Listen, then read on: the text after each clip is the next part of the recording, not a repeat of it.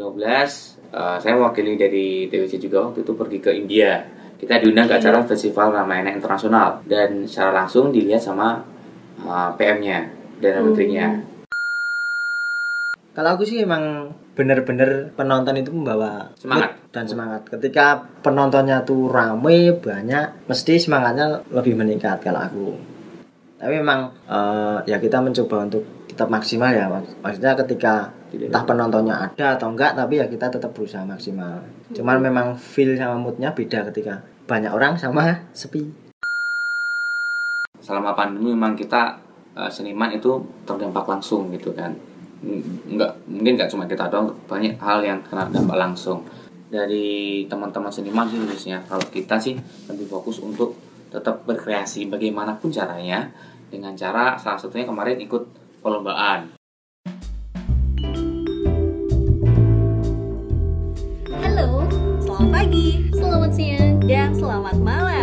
Merah.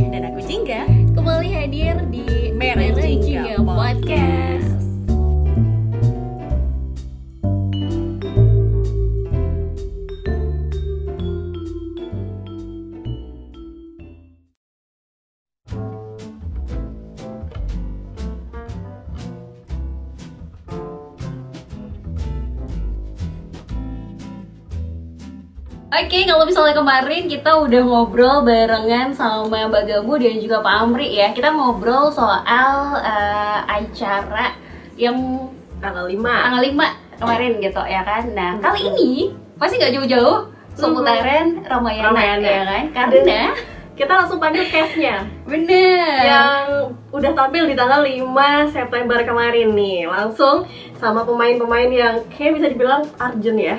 Termasuk yang pemain utama pemain itu nggak sih? Mm-mm.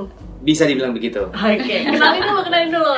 Boleh dari nama, terus eh, case-nya apa nih kemarin gitu? Oke, eh, untuk tanggal 5 kemarin nama saya Bramantio Fendi Prastowo sering dipanggil Fendi atau Mendut gitu sih.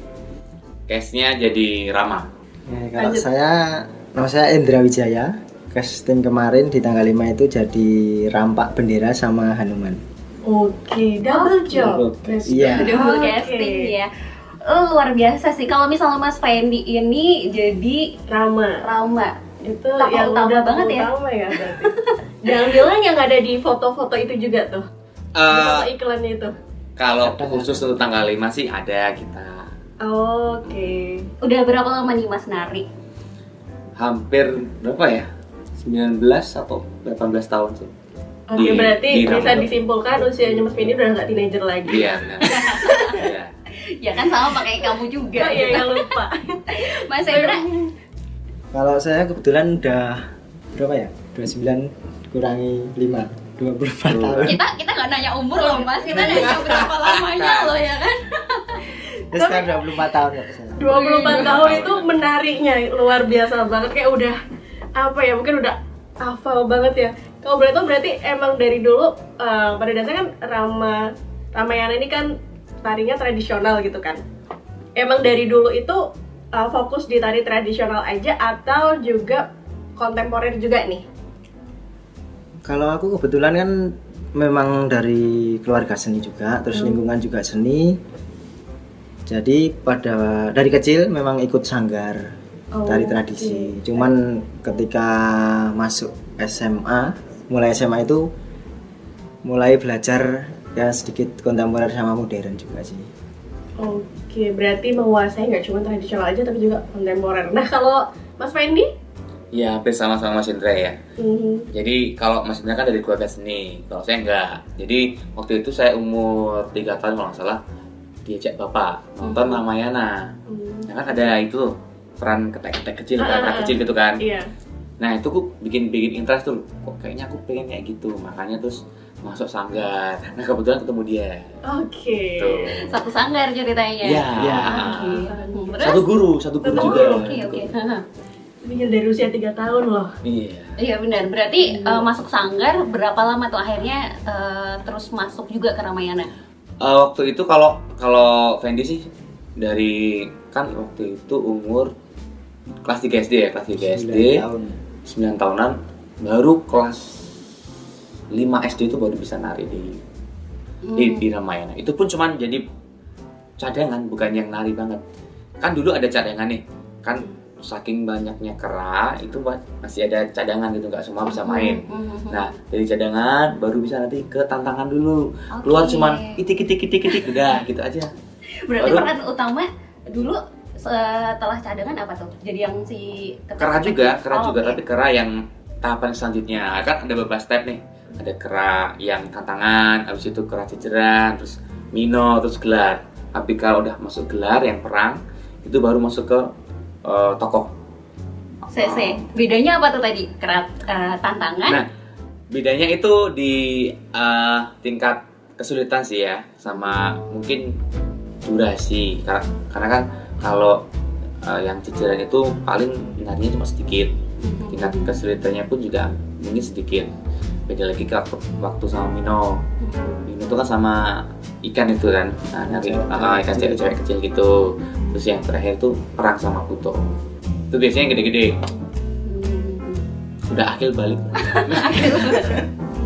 Tapi denger tadi tahapannya banyak banget, pantesan ya Ramayana Ballet tuh keren banget kalau perform.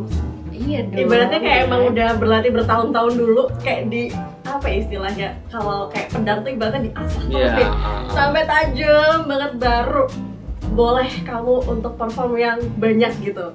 Jadi Benar, benar, benar, benar. gimana nggak keren coba? Bener. Berarti Mas Indra waktu itu sama juga perannya. Iya, Dan masuk ke Ramayana juga bareng atau gimana? dulu lah Mas Hendra dong Oh, dulu Mas Hendra. saya duluan karena kan memang dari kecil. Terus kebetulan bapak juga pelatihnya juga. Oke. Jadi dari umur 4 tahun itu udah mulai belajar juga sih sama bapak. Di rumah diajarin, di sanggar juga sama Om dan Sibah waktu itu. Terus di umur lima tahun mau ke enam tahun itu udah mulai ikut yang tadi dari awal ikut tantangan, baru di SD jejeran, terus baru Mino gelar. Gitu. Tapi memang sampai sekarang jadi ketek terus kalau saya.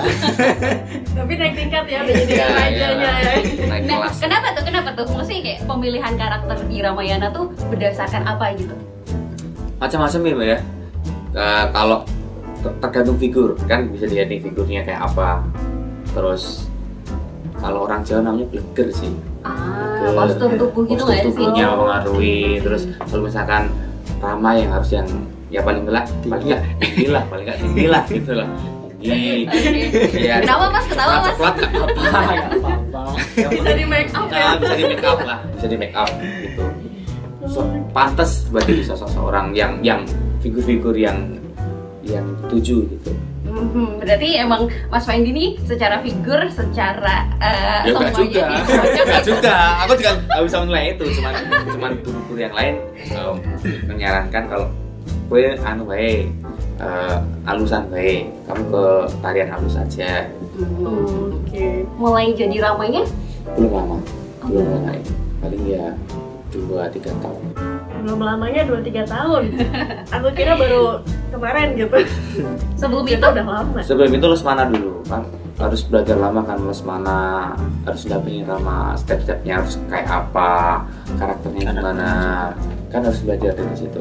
Semuanya harus melalui step-step lah. Terus mana itu yang adiknya Adik. Rama. Oh adiknya Oke. Rama ya. Iya mungkin ada yang nggak tahu gitu ya kan? Ya apa sana padahal sih nggak tahu. Oke, hmm, tapi kalau misalnya tadi dibilang bahwa step-step yang dilaluin sama kalian-kalian ini kan udah lama banget gitu ya. Pernah, maksudnya gini mas, kalau misalnya oke dari kecil aku suka nih nari segala macam dan uh, apakah kalian bakalan terus ada di dunia pertarian ini, khususnya di Ramayana gitu? Pernah nggak sih kepikiran? kalau physically mungkin nggak bisa ya karena kan semakin lama kita semakin tua dan kekuatan tubuh kita juga semakin menurun. Tapi kalau jiwa kita masih akan tetap di Ramayana. Gitu loh. Kita harus tetap menjaga dan melestarikan apa yang sudah diberikan sama nenek moyang kita Oke. dari tahun 61 loh itu loh.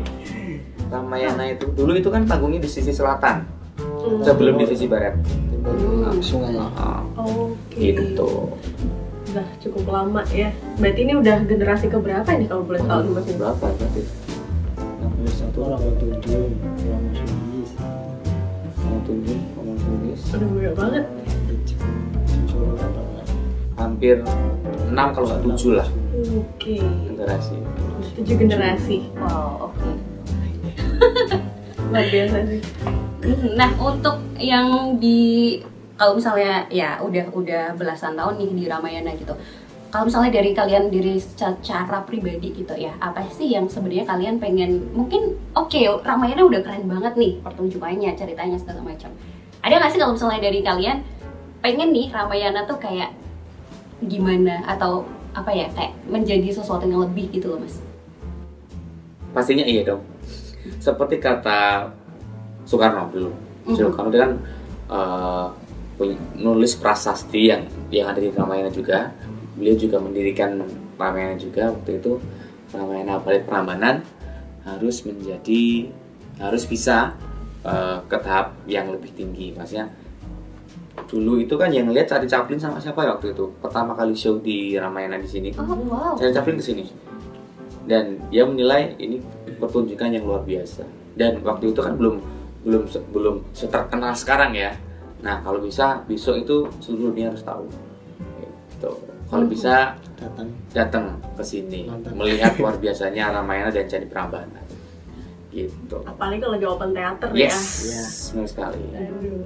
Dan oh ya kalau misalnya yang di tanggal 5 itu kan eh, kemarin di si- siaran virtual gitu ya Iya. kan, yang bisa dibilang itu nggak pernah atau belum pernah kejadian di Ramayana gitu. Nah eh, berarti apakah kalau misalnya dari kalian sendiri, oke ke depannya juga virtual nih menjadi salah satu opsi yang bagus setelah, setelah normal diberlakukan kembali gitu mas? kalau menurutku sih lebih baik datang ke sini langsung ya supaya dapat eh, apa namanya Ambience-nya. ambience-nya gitu lihat secara langsung lihat kemegahannya lihat kecantikannya lebih dekat nggak yang secara virtual nggak apa-apa sih virtual cuman eh, alangkah lebih baik apabila bisa juga. berkunjung di Indonesia Prambanan khususnya gitu dong Bener banget sih, soalnya kalau nonton di layar tuh tetap beda iya gitu. beda, beda ya. lah Musiknya juga musiknya juga beda sama yang langsung. Tapi ya mungkin ini dengan adanya virtual yang kemarin itu bisa jadi salah satu jembatan juga ya. ya Karena ah, memang ah. lagi kondisi yang kondisi kayak seperti gini. ini memang tidak bisa di. Untuk diganggu gugat lah yang kangen gitu, berharap sih virtualnya lanjut lagi. ya gitu. Oke. Dan ini kan em, pertunjukan udah, ini cerita ya. Aku boleh mau nanya juga dong untuk Ramayana apa nih Ramayana Ballet ya Ramayana Ballet Prambanan ini kalau Mas Endra sama Mas Fendi sendiri udah pernah manggung yang di luar sini belum? Maksudnya kayak diundang ke mana gitu? Atau bahkan or atau orangnya yang datang ke sini untuk nonton? Kan pernah juga tuh ditonton sama yang terakhir tuh Raja Belanda kan Iya. ya Raja Belanda. Terus juga itu yang presiden atau bahkan tamu-tamu kenegaraan juga datang ke sini gitu. Nah kalau yang keluar gitu pernah nggak sih? Pernah dong. Pernah juga? Mas Indra ini dulu yo. Boleh, aku, boleh, aku dulu aku dulu. nanti biar dia yang lebih Ah. surprise kalau saya. Oke, oke. soalnya dia lebih lebih tinggi. Oke oke. Kalau saya sih waktu itu tahun 2015 kalau nggak salah. 2015 eh, saya mewakili dari TWC juga waktu itu pergi ke India. Kita diundang ke acara Festival Ramayana Internasional dan secara langsung dilihat sama eh, PM-nya dan Hmm. menterinya. Siapa namanya itu? Modi siapa itu? oke Nah, itu terus mana lagi ya? Paling kalau keluar sih itu ya. Kalau kalau di dalam negeri banyak banget sih pejabat-pejabat atau presiden atau apa tamu kenegaraan yang lihat ke sini. Kemarin ada yang tamu dari Raja Malaysia, Oh, itu iya, sebelum iya. sebelum Raja Belanda, terus Pak Jokowi, terus mana lagi ya? Pokoknya banyak sampai sampai lupa lah. Pernah banyak gitu. saking banyak Saking banyaknya. saking banyaknya. So, nah itu kayak ketemu orang-orang penting tuh kayak udah biasa banget gitu ya mas. Gimana tuh perasaannya? bangga lah pasti Mm.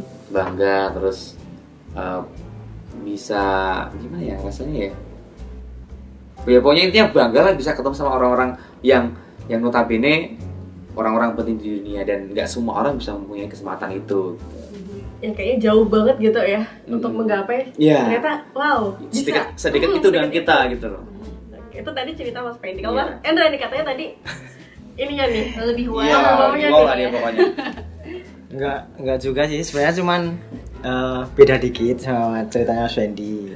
Cuman kebetulan kan wak- terakhir kemarin kan juga ikut terlibat ketika yang Raja Belanda datang ke sini juga terlibat di situ.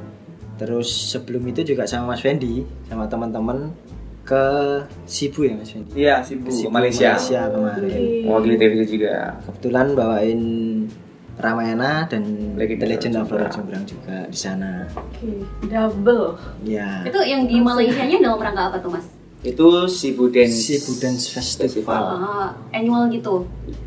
Kayak Tahunan gitu festival ya? sih. Iya, Iya ah, tahunan. ah. Kebetulan dari beberapa negara datang ke sana juga.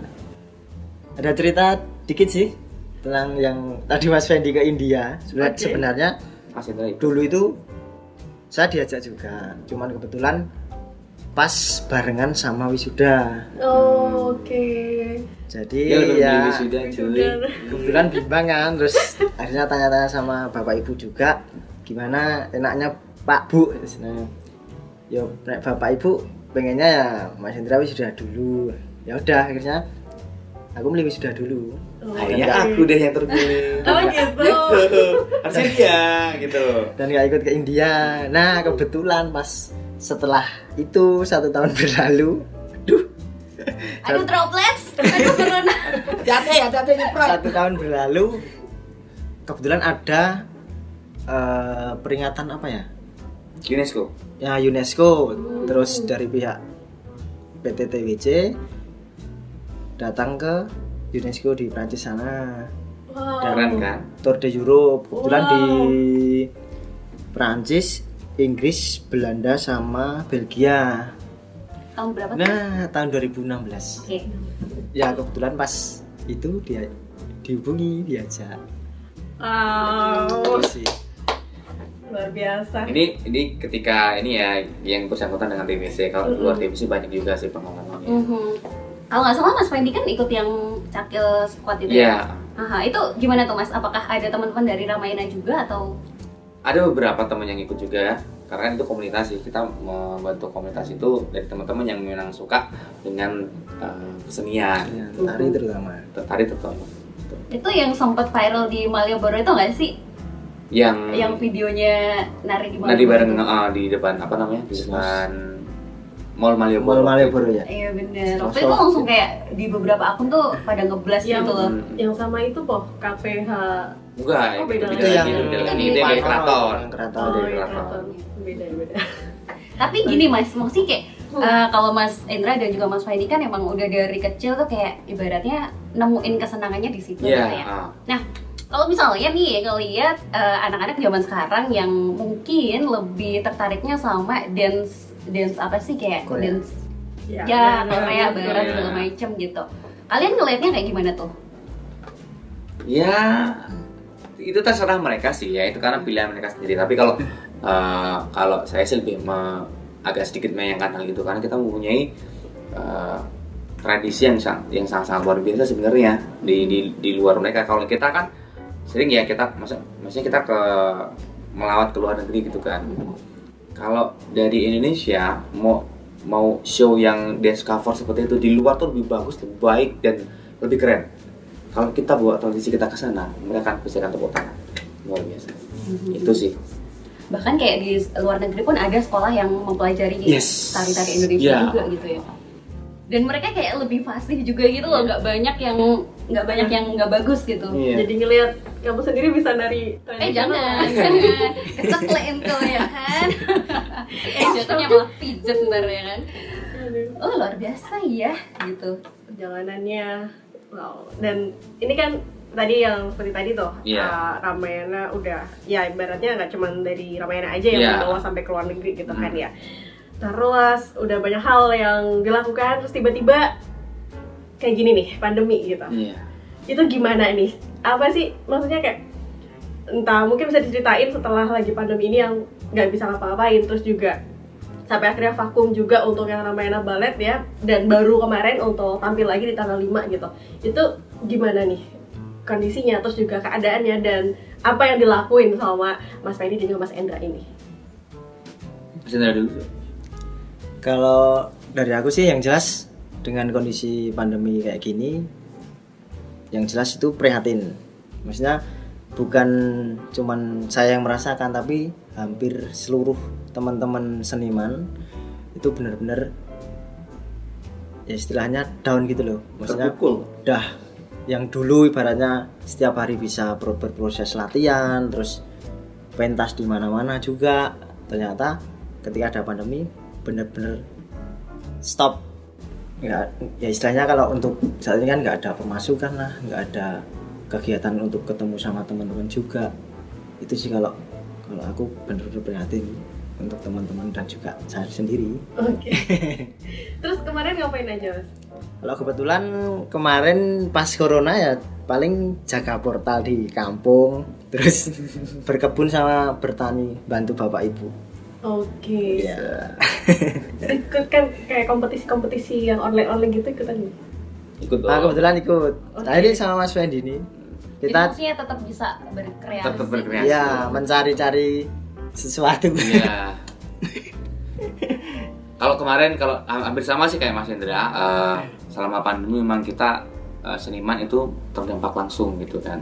M- Nggak mungkin nggak cuma kita doang, banyak hal yang yang yang kena dampak langsung. Terus eh, dari teman-teman seniman sih khususnya, kalau kita sih lebih fokus untuk tetap berkreasi bagaimanapun caranya dengan cara salah satunya kemarin ikut perlombaan.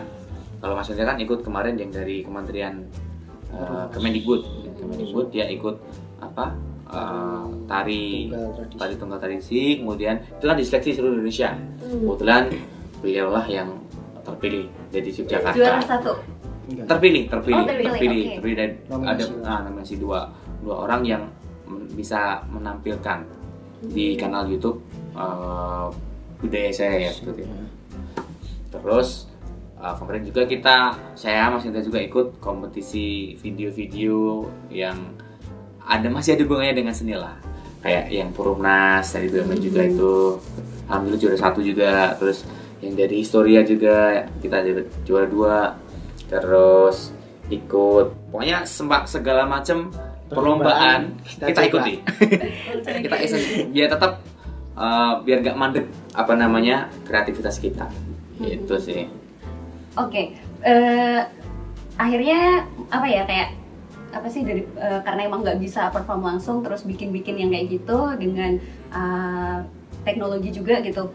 Bikin-bikin video kayak gitu Hmm. pas corona aja atau sebelum itu udah pernah bikin? sebelumnya pernah bikin sih tapi lebih intens sekarang karena untuk mengisi kegabutan juga ya iya iya Bisa nih diterusin nih. Siapa tahu nanti jadi apa ya platform yang lain lagi. iya kan? amin sih Amin. amin Oke, kalau eh, Mas Indra dan juga Mas Fendi, ke depannya pengennya kayak gimana sih? Apakah bakal terus menari atau kayak gimana? selama raga masih bisa bergerak ya ya kita akan terus bergerak dan menarik Aduh. gitu Oke. Jiwanya emang udah ini ya, jiwa penari banget gitu ya. dan kita akan me- memberikan apa sih motivasi-motivasi kepada adik-adik kita penerus kita supaya tetap menjaga dan melestarikan apa yang diberikan oleh leluhur-leluhur kita gitu. Oke. Dan karena udah lama vakum, tapi meski demikian ya masih aktif gitu Masih kan aktif. kemarin. Nah, ada kesusahan nggak nih? Vakum berapa bulan, langsung langsung tampil yang di virtualin, terus ditontonnya internasional selama latihan kemarin. Ada bedanya nggak nih? Karena udah lama kan nggak latihan gitu. Pastilah, pastilah. Yang jelas latihan pertama itu pulang-pulang kaki sakit semua, pegel-pegel semua kan. ya harus menjelajahi open air theater yang di Prambanan itu kan lebar kan naik turun naik turun pulang-pulang gempor itu pasti. Karena kan eh, kalau yang kemarin kita buat video-video ikut perlombaan itu kan mungkin space-nya kecil ya karena diambil video kan. Jadi nggak bisa gerak yang lebar. Nah, kalau ini kan kita harus benar-benar explore panggung yang sebesar itu. Jadi pulang-pulang tuh ya aduh ya ya Tapi memang nggak nggak cuman kita aja sih teman-teman Yang hampir lain. semua yang mendukung juga selama proses latihan mengeluh itu karena memang apa ya udah lama nggak bergerak udah lama nggak olahraga vakum cuma tidur makan tidur di rumah hampir enam bulan loh kita tuh hampir vakum enam bulan vakum latihan Tahun. gamer semua Tapi tetap maksudnya eh, latihannya seberapa sering tuh pas pandemi kemarin? Kalau latihan kita kemarin berapa sih 10 kali ya hampir 10 kali kita latihan selama enam bulan itu Oh, enggak kalau- itu khusus khusus khusus, yang- untuk tanggal tanggal lima Oh. tanggal kemarin. lima kemarin Oke. gitu terus 10 kali latihan berarti yang enam bulan itu kemarin emang bener-bener Bener. off gitu bener off kita Oh. bener-bener kita kan Oke. memang social distancing ya social distancing kemudian mau ketemu teman pun juga susah gitu mau kita mau buat konten pun harus via zoom gitu Hmm. via zoom atau via platform yang lain gitu Oke, nah eh, tadi kan si Mas Indra udah sempet nge-share gitu ya eh, terkait dengan apa sih kayak ini nih jadi penari karena emang udah suka tapi maksudnya gini sebagai itu sebagai pekerjaan kan jarang nih eh, ada beberapa orang yang memang oke aku suka ini tapi tapi ini nggak ngasilin duit nih.